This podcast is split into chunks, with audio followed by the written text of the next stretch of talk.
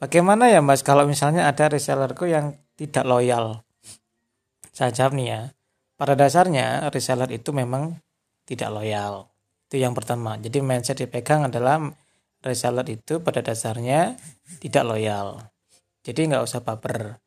Kemudian yang kedua, untuk mentreatment mereka bisa dengan cara memberikan edukasi-edukasi tentang berjualan agar peningkatan bisa terjadi di penjualannya mereka. Jadi, salah satu tips hari ini adalah berikan reseller Anda edukasi tentang jualan agar bisa meningkatkan konversi jualan mereka. Itu aja ya sementara ini. Semoga berguna.